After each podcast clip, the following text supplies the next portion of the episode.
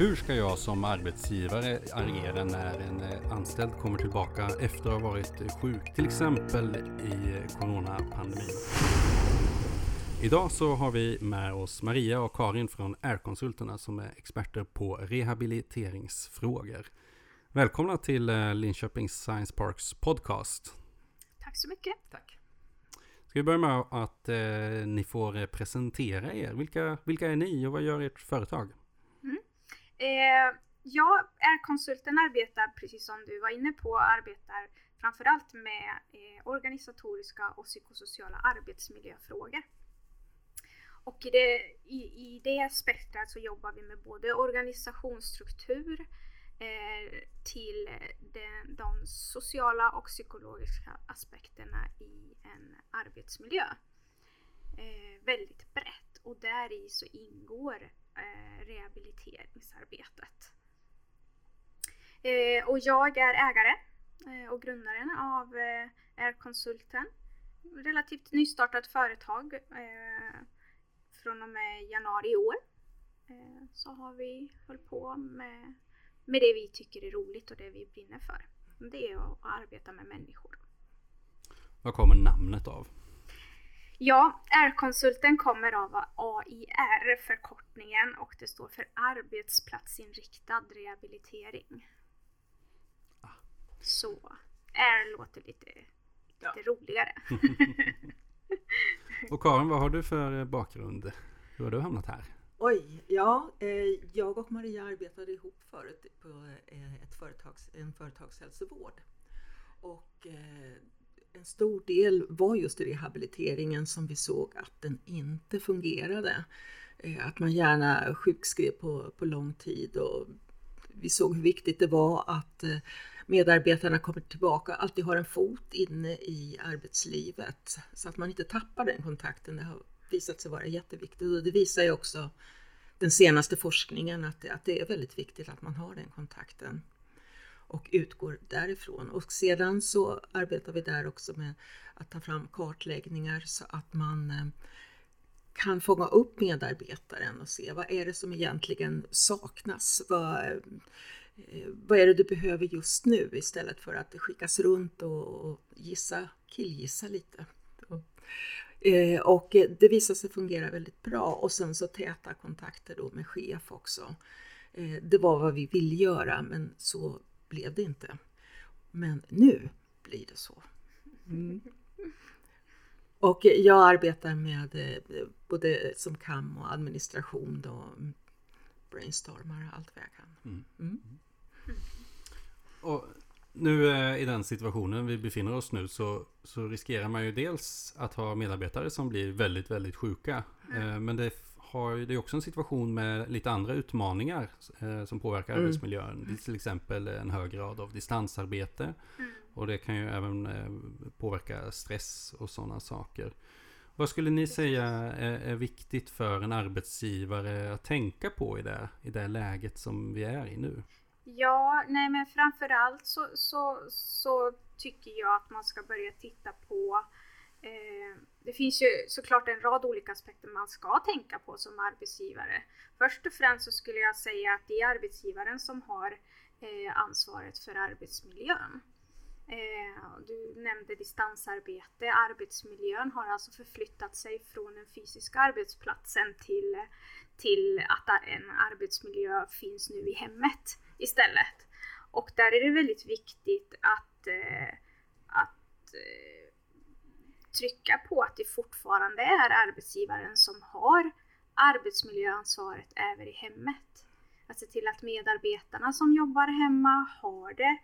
Eh, att man tittar på den fysiska arbetsmiljön framför allt. Sitter man på köksbordet och, eller vid köksbordet och, och hur sitter man? Eh, sitter man under längre perioder? Eh, man kanske st- tokjobbar i sträck i, i sex timmar och sen kommer man på att oj, jag har inte tagit någon paus. Eh, och så sitter man eh, obekvämt eh, vid, vid köksbordet och det är ju inte bra för den, för, för den fysiska eh, kroppen som behöver röra på sig. Så det är viktigt att tänka på.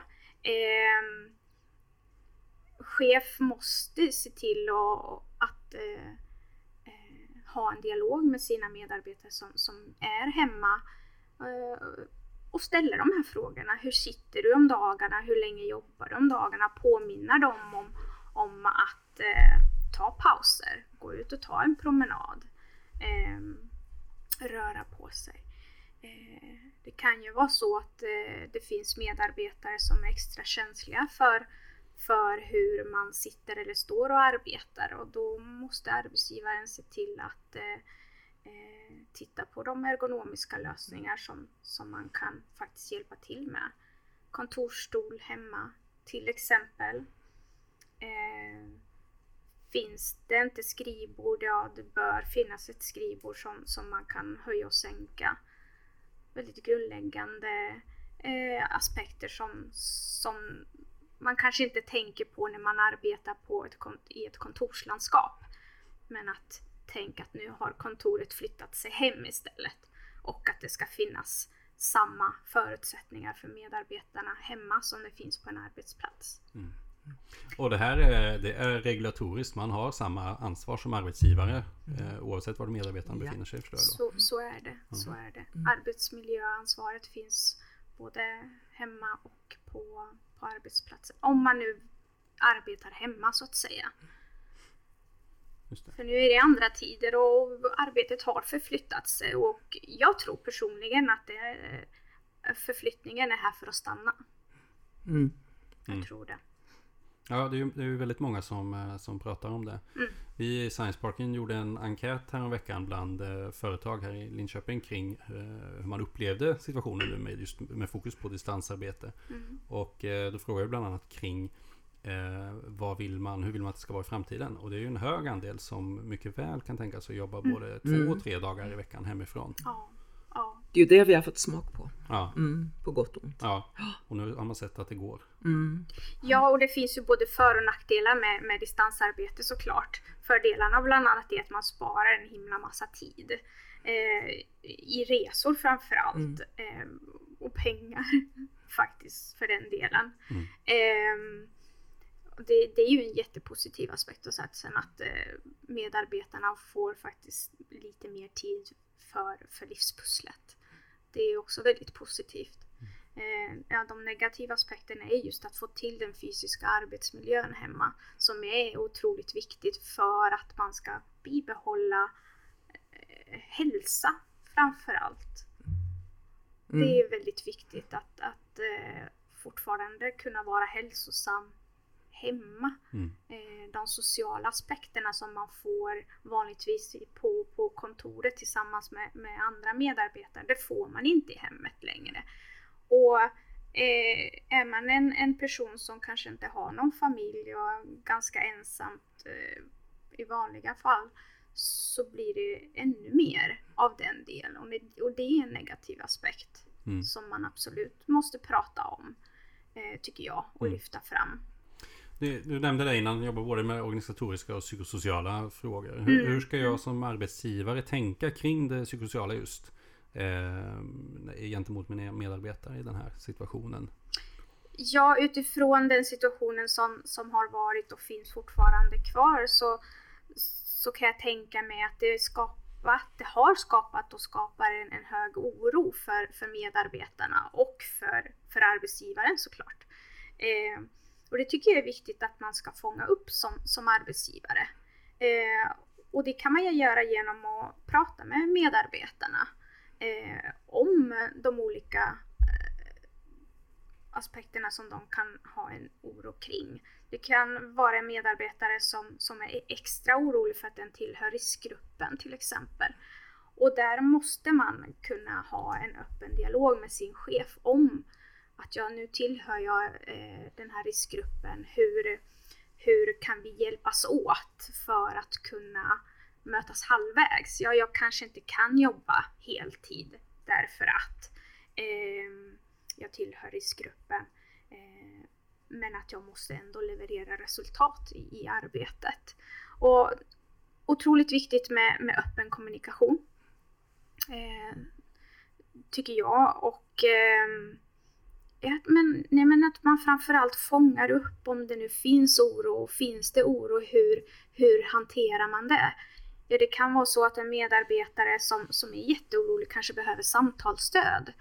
Och där, återigen, faller jag tillbaka på arbetsgivarens arbetsmiljöansvar. Det är den eh, psykosociala eh, arbetsmiljöansvaret som chef har, att se till att medarbetarna får det så bra som möjligt. Det, ja. det, svåra är ju också att få ihop gruppen eh, och se ja. också, gamla problem har ju mm. inte löst sig med coronan men det kan ha kommit ganska många nya också. Mm. Vad, vad kan det vara för problem? Ja men det som Maria säger här, du kanske, det gäller ju alkohol, droger, det gäller ensamhet, det gäller depression. Eh, gruppen kan ju oftast fånga upp det här, eller någon i gruppen i alla fall kan fånga upp det. Men sitter man hemma så är det ju fritt fall och det är inte bra. Komma till kontoret regelbundet kan ha en dämpande effekt på Abs den typen Absolut, av... mm. grupptrycket är jätte, jätteviktigt eh, mm. här alltså och speciellt eh, när det gäller just droger och alkohol. Mm. Och sen även depressioner förstås, det, det, där, kan det ju, där kan de glida undan lite längre då. Men, men så, och sedan så att få ihop gruppen så att det blir ett team också och få ut samma information till alla så att, att de eh, verkligen är med på spåret för det, det är lätt att bli bortglömd och det är inte bra. Mm. Har ni några tips på, på verktyg eller arbetssätt som, eh, som, som man kan använda som chef eller ledare för att eh, eh, fånga upp det här tidigt och inte hamna i en situation där man måste liksom mm. vara i en mm. rehabiliteringssituation till exempel? Mm. Nej men vi tycker ju att i och med att vi är, är arbetsmiljönördar så tycker vi att man ska alltid göra, börja med att göra en riskbedömning. Eh, för jag menar, man, man utreder vad, vad finns det för risker med att medarbetarna kommer tillbaka till, till arbetet. Eh, och speciellt göra riskbedömning på, på de som tillhör riskgruppen. Eh, och det gör man ju tillsammans med, med, med de personerna, med medarbetarna. Eh, man bedömer, man, man utreder, man bedömer och utifrån det så gör man en åtgärdsplan. Och den handlingsplanen, åtgärdsplanen, kan man eh, gradera på olika sätt. Rött, det är fara. Gult, det är någonstans mitt emellan fara och eh, eh, någonting annat. ja, någonstans mitt emellan rött och grönt. Då. Och grönt är det ingen fara alls, det, det, behöver man inte åtgärda. Så riskbedömning är jätte, jätteviktigt tycker jag för att kunna se hur, hur ska vi utgå från den här situationen just nu till att arbeta proaktivt och förebyggande framåt. Och här har ju chefen också en väldigt stor roll och en väldigt tung roll. Och eh, det gäller också att även chef eh, får stöttning. Mm i den här situationen. Mm. Hur, eh, hur får man stöttning som chef? Då kan man bland annat använda R-konsulten. Mm. Vi stöttar själv. som av en slump. Ja. Eh, där vi går in och stöttar då i, i den här situationen just kring det psykosociala måendet. Mm. Eh, och ehm, Ja. Ja, nej men det är precis som Karin säger, man, man, får absolut inte glömma bort chefen och ledaren, för ledaren och chefen är ju också en individ, också en medarbetare. Eh, så att chef behöver lika mycket hjälp som medarbetarna i, i, i en sån här situation såklart. Eh, så den arbetsgivarna måste ansvara för att rusta upp chefer och ledare som ska också stötta medarbetarna i sin tur. Eh, chefstöd framför allt. Även samtalsstöd. Eh, för en chef kanske har en person i sin en, en familjemedlem som kanske tillhör riskgruppen och, och det i sig jätte, kan vara väldigt påfrestande för, för chef. Eh, och så ska chef också bära kanske ett tiotal medarbetare på det. Mm. Så arbetsgivarna, glöm inte bort chefen i, i, i den här situationen. Och att eh, hen behöver lika mycket stöd som medarbetarna i det här fallet. Mm. Vi har sett eh, ganska många exempel den här våren på digitala eh, lösningar. Att man har eh, varje tisdag klockan 10 så har man fika via Teams eller Slack mm. eller mm. Zoom. Man har eh, olika typer av träningsutmaningar och på DoSpace där jag har mitt kontor där har vi just nu en eh, stegräknartävling till exempel den här veckan okay. och sådana grejer. Mm. Vad, vad, är, vad är er syn på den typen av eh, aktiviteter? Nej men det är väldigt bra. Det är jättebra för det är sådana nya aktiviteter som man kanske är lite främmande för i början och det kanske till och med känns lite eh, lite smålöjligt kanske, men det är verkligen inte smålöjligt. Det är jättebra. Eh, att, eh, ja men fysisk aktivitet men även eh, aktiviteter som, som eh, främjar hjärnaktiviteten på, på ett annat sätt. Mikropauser är jättebra. Mindfulnessövningar. Släng in med, med lite meditationsövningar så, så, så är det jättebra. Kommer kännas konstigt i början men äh, ja, om ett år så är det så himla vanligt. Mm. Och med all respekt för Corona och vad som har hänt med dem, både företag och eh, naturligtvis enskilda fall, så finns det ju ett bra sätt nu att göra om och göra rätt. Och som sagt, kreativa idéer. Det, alltså det har ju visat sig ja, en uppsjö av fantastiska idéer. Toalettrullsutmaningarna gillar jag. Det, det har jag missat. Har du det? det? Dels är det träning med, med toalettrullar. Och dels så, så kan man ha dem som fotboll och se hur länge man kan ha dem i luften och så vidare. Mm. Ja, det finns hur många som helst, bara för att nämna ett. Det var någonting som jag tyckte var lite kul. Ja, I och med att man hamstrade och så undrar man vad gör man med de här? Oh, det finns många lösningar att arbeta med toalettrullar. Mm. Ja, små utmaningar sagt, är ju väldigt ja, bra. Ja. Mm. Och det ger ju också en teamkänsla det här att, att mm. verkligen se vad man kan göra och vad man kan hitta på. Man, och hela ens fantasi, ofta så kan ju ett arbete vara ganska fantasilöst. Då. Här kan man ju gå löst hur mycket som helst alltså. Och verkligen jobba på det. Och det finns roliga lösningar. Och som sagt chansen att kunna göra om och göra rätt får man inte så ofta. Nej, Nej. just det. Det är lite omstart i ja, alla möjliga perspektiv. Mm. Mm. Eh, organisatoriska, de organisatoriska frågorna då? Hur eh, förändrar den här situationen hur en eh, ledare bör tänka kring sin organis den organiseringen så att säga? Mm. Ja, det hänger ju ihop med, med hela den psykosociala delen i, av, av, de här, av, av hela krissituationen så att säga. Eh, och, och de organisatoriska delarna är, är ju otroligt viktiga. Eh, ledarskapet behöver, man behöver titta på ledarskapet med, med, helt andra ögon. Tidigare har, så har distansledarskap till exempel inte varit, det har varit någonting som har funnits, absolut. Det finns forskning kring det och, och det finns eh, läroböcker och kunskap inom det, men det har inte varit så jätteaktuellt. Eh, så att det är ju någonting som man verkligen bör ta upp i, i på organisatorisk nivå. Se till att rust, rusta upp chefer med kunskap mm. inom distansledarskap. Eh, distansledarskapet innebär en större, det, det, det ställer mm. högre krav på kommunikationsförmåga till exempel. Eh, hur kommunicerar jag med medarbetare som, som sitter på olika eh, delar av Sverige kanske till och med. Hur får de samma information? Nyhetsbrev, veckobrev är väldigt bra. Eh, kan vara väldigt svårt för många att skriva veckobrev. Vad, vad ska jag skriva om den här veckan? Och, eh, men eh, som sagt, det kräver att man, man eh, tittar på ledarskapet på ett annat sätt och, och som chef så behöver man flagga för det här uppåt i organisationen att nu behöver jag gå en kurs i distansledarskap till exempel om inte kunskapen finns. Mm. Eller en, en kurs i, i kommunikation som blir otroligt viktigt. Det viktigaste framförallt tycker jag är att man inte ska vara tyst. För det kan vara en, en riskfaktor. Är man för tyst som, som chef, ledare för att man inte vet hur man ska hantera saker och ting. Man, man kanske inte har full information uppifrån organisationen.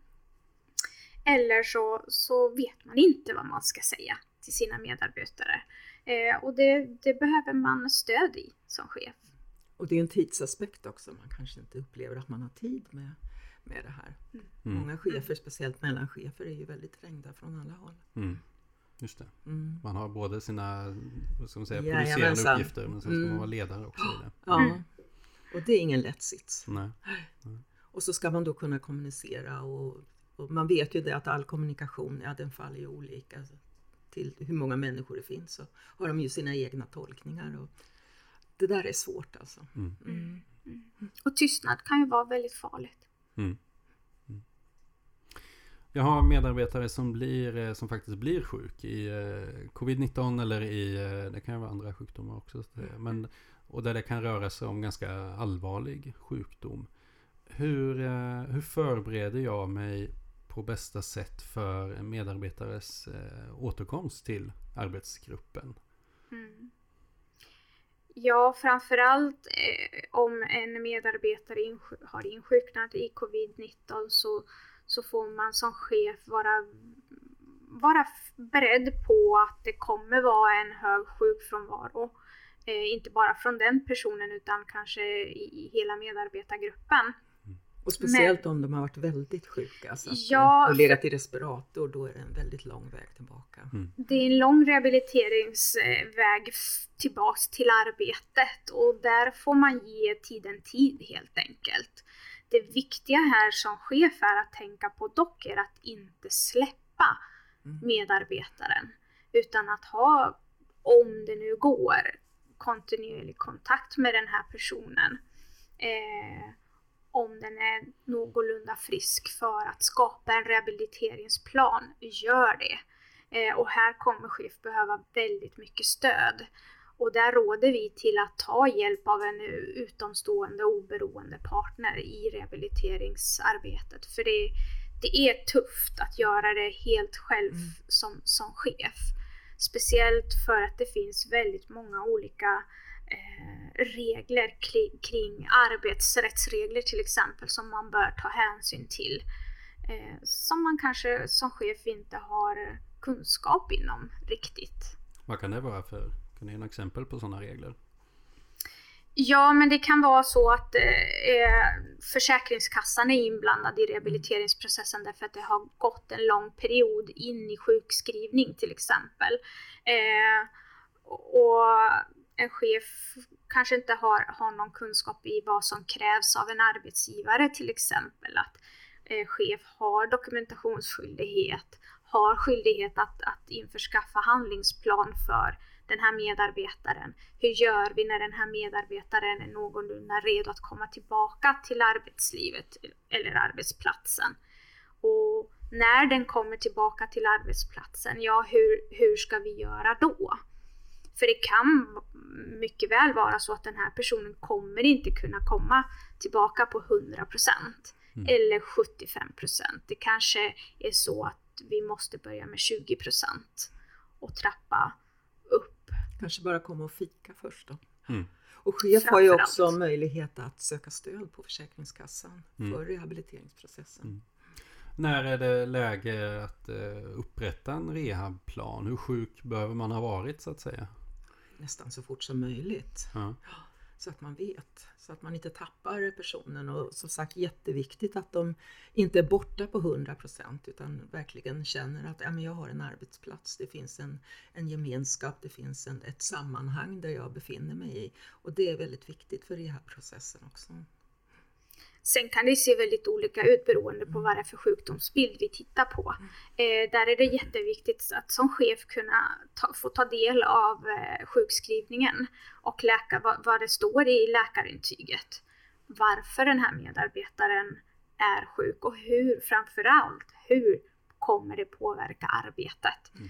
Utifrån det, ha det som underlag för handlingsplan framåt. Det är som, som jag som chef. Det, det är jätteviktigt.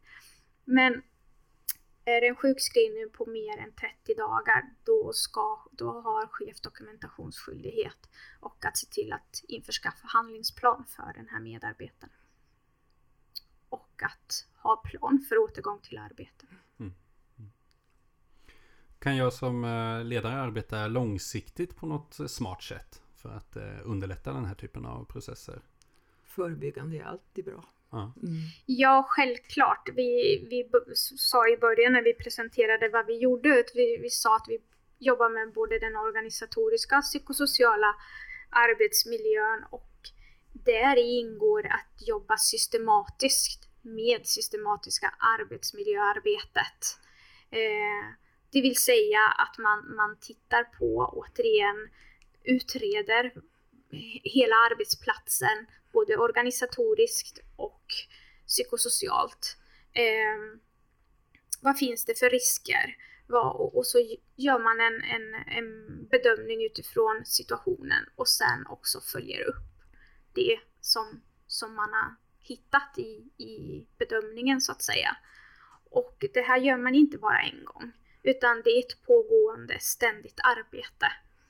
Eh, att man gör det kanske en gång per halvår är ett väldigt bra sätt att mm. jobba systematiskt med de här frågorna. Både den fysiska arbetsmiljön och den psykosociala arbetsmiljön. Mm. Hur bra är arbetsgivare idag på att jobba med den här typen av frågor tycker ni? Vad är er bild? Ja, alltså vår bild är att chefer och arbetsgivare blir bättre och bättre. Eh, det finns eh, eh, lag på att eh, arbetsgivarna måste jobba systematiskt med, med, med arbetsmiljön. Eh, och vi tycker väl att ibland att det glöms bort. Eh, och om det inte glöms bort så är det för att man kanske har väldigt lite kunskap i vad som gäller. Vi, vi brukar säga att det finns både skyldigheter och rättigheter både från arbetsgivarsidan men även från medarbetarsidan. Det är jätteviktigt att båda parterna har lika mycket rättigheter och skyldigheter i att agera i, i de här frågorna. Eh, jag skulle vilja påstå att en chef har inte ensamansvar i att se, se till att medarbetarna mår, mår någorlunda bra och har det bra på en arbetsplats. Eh, utan det är lika mycket medarbetarnas skyldighet att se till att flagga för när någon mår dåligt. Mm. Men chef har ju oftast också en spetskompetens men kanske inte ledarskapet. Kompetens. Och då kan det ju bli väldigt knepigt också. Men då kommer ju, då får man ta, inse det och ta hjälp av HR och, och så vidare så att, att man kan få den biten också. Och chefer idag är väldigt trängda. Så att eh, det gäller att, att de hittar också sin plats, så att de kan också lära sig att hitta stöttning. Alla kan inte göra allt. Nej, sen är det ju det också att vara ödmjuk i ledarskapet eller chefskapet och, med att nej men jag kan inte de här mjuka delarna, inte min, eh, mm. mitt område. Var, var ödmjuk i det och, och flagga för det. Och framförallt ta hjälp, för det finns väldigt bra hjälp att få eh, för de som, som brinner för de här frågorna. Som till exempel är konsulten. Mm. Det är en ganska tydlig kedja tycker jag som ni målar upp det här med. Man, en del eh, ganska konkreta, till synes enkla åtgärder kring hur man eh, går och står och sitter i sin arbetsplats och vad man har för sociala interaktioner och sådana mm. saker. Och så kopplat eh, till eh, arbetsuppgifter, stress, eh, hur organisationen är formad och så mm. ledarskapet mm. och den typen av frågeställningar som, som man alltid brottas med på, mm. på något sätt. Liksom. Det blir det är en helhet på något sätt som behöver eh, funka. Där alla bitarna behöver funka. Så är det mm. och den helheten är inte det, det är en dynamisk process i det där. Mm. Det, gruppdynamiken är ju inte konstant utan den, den är förändlig hela tiden och vi arbetar med människor i relation till varandra. Mm. Och det är det som är så kul med konsulten att vi just kan få göra det. Det är för att det är det man saknar. Man kanske går in och stöttar i en del och sen så visar det sig att det handlar egentligen inte om det. Mm. Utan det handlar om att, att se hela människan eller att se hela företaget eller se hela gruppen och sedan agera utifrån det. Då kan man fånga upp det på ett helt annat sätt än att bara nörda in sig på en sak. Mm, mm. Och jag tänker att själva viljan överhuvudtaget komma tillbaka till en arbetsplats till exempel blir ja. avgörande i sådana fall. Komma mm. tillbaka till arbetsuppgifter som man längtar efter och ett sammanhang. Det är ju ett stort problem idag eftersom eh, de flesta inte byter arbeten helt enkelt, vare sig de trivs eller inte. Mm. Det, men det är knepigt. Vi arbetar ju också med att ha medarbetarna i arbete hela tiden oavsett vad det är Mm. för situation som, som medarbetaren befinner sig i. Eh, vi gillar egentligen inte sjukskrivningar. Eh, klart att behövs det en sjukskrivning, ja då, då får man ju sjukskriva sig och det är vården som får ta hand om den, Mm. den delen. Men vi på R-konsulten förespråkar inte sjukskrivningar utan vi, vi vill ha kvar medarbetaren på arbetet så mycket som möjligt. Just det. Och där finns det ju forskning också som visar att det här är rätt väg att gå. Man ska inte isolera sig. Det tar så mycket längre tid Mm. än att ja, bara börja med att gå och fika på arbetsplatsen och sen så börja trappa upp lite och göra någonting. Just det. Bättre Mm. att skruva på arbetsuppgifterna än Ja. Absolut. mm. Absolut. Den här eh, stora den diskussionen kring distansarbete och hemarbete som har varit nu så är det, det är ju många som uttrycker en väldigt stor tillfredsställelse inför det och ibland tänker jag att det, det är ett ganska stort underkännande till många arbetsplatser Mm. och arbetsgivare. Att man med sån, sån glädje inte går dit så att säga. ja, Ja, de här öppna landskapen är ju som gjorda för att fly från. Ja, Mm. Ja, så vi befinner oss ju i paradigmskifte kring Mm. hur, hur människan förhåller sig till arbetet och arbetslivet och vad, vad har det för betydelse för individen. Det, det är där det ligger. Vad, vad är tillfredsställande för individen? Mm. Eh, tittar man på, på en, en individ som mår väldigt bra, som har hälsosamma vanor och, och, och den mår bra av att arbeta på distans eller hemifrån så är ju det en otroligt vinning för arbetsgivaren. Eh, I längden kan det ju vara så att arbetsplatserna, de fysiska arbetsplatserna blir mindre och mindre.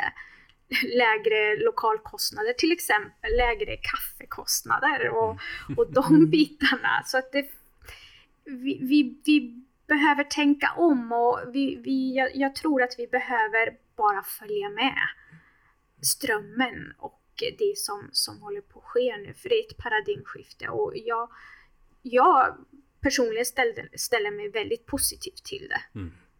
Det finns ju företag också som delar på gruppen. Och ena, ena veckan så är ena gruppen inne och andra veckan är andra gruppen inne och sen så har man teammöten då. Mm. Det. Fungerar faktiskt väldigt, väldigt bra. Så det, det kan vara ett sätt. Mm. Ja, det finns många lösningar. Mm. Corona har egentligen eh, accelererat en utveckling som har legat, som har varit på. Ja, det är Mm. jättespännande som sagt. Men, Ja. men som sagt med, med respekt för, för de Ja. som inte har det så bra. Ja men det är intressant. Det är, det är en slutsats som vi har dragit i flera avsnitt Ja. här. När vi pratat även om andra saker. Om vilka företag utvecklas och vilka företag utvecklas inte inom olika områden. Liksom. Att det, det är egentligen inte nya frågeställningar utan de har bara blivit mer tillspetsade. Nej. Och det är en miljöaspekt också just med Mm. att åka bil och parkeringar och Ja, det är ju gud. döda utrymmen i staden så att säga. Mm. Eh, Så att det finns ju väldigt, väldigt mycket att göra på alla plan. Det är jättespännande. Är det något mer sådär som vi ska täcka in tycker ni? Nej, jag skulle bara vilja påpeka just det här att, att individen har större fokus och större, större eh, del i, i hela den här krissituationen som vi har tagit oss igenom snart. Eh, att det, det, det är där fokusen ligger nu, det ligger i människan. Eh, ta hand om, om medarbetarna, ta hand om chefen. Eh, ta hand om individen helt enkelt. Mm. Om eh, jag som eh, åtsatt mellanchef lyssnar på detta. Eh, vad, vad ska jag, skulle ni kunna nämna en sak som jag ska göra när jag lyssnat klart på det här för att eh, minska risken att eh, mina medarbetare hamnar i en situation som är svårhanterlig? Vad skulle vara den viktigaste? Det är ju verkligen att, att reflektera över situationen. Att, att se de problem som vi hade förut, ja men de kommer att finnas kvar. Och som sagt, det kanske till och med tillkommer nya. Och att verkligen se vart vill vi någonstans? Ska vi, ska vi dela på oss? Ska vi ha en annan arbetssituation? Kan vi arbeta hemma? Eh, Det är mycket sånt som man måste reflektera över och, och också eh, höra med, med företaget. Vad kan man göra? Mm. Det, det är ju frågan om det också. Ja, jag skulle vilja säga ha tålamod. Och acceptans i att situationen är som den är just nu. Eh, ha rimliga förväntningar till varandra. Mm. Det skulle jag vilja säga. Och sedan kan det också finnas väldigt mycket sorg i det här. Alltså det finns de som kan ha förlorat sina anhöriga men det finns också de som kan ha blivit av med jobbet. Mm. Och så kommer man tillbaka och då är det en helt annan situation, en helt annan arbetsgrupp. Eh, och man kanske hänger lite löst själv. En del företag går ju under och får kämpa för att komma tillbaka om de ska komma tillbaka. Det är ju, det är en jag ska inte säga självsanering för det låter så hemskt men, men det är ju det det är lite frågan om också. Mm.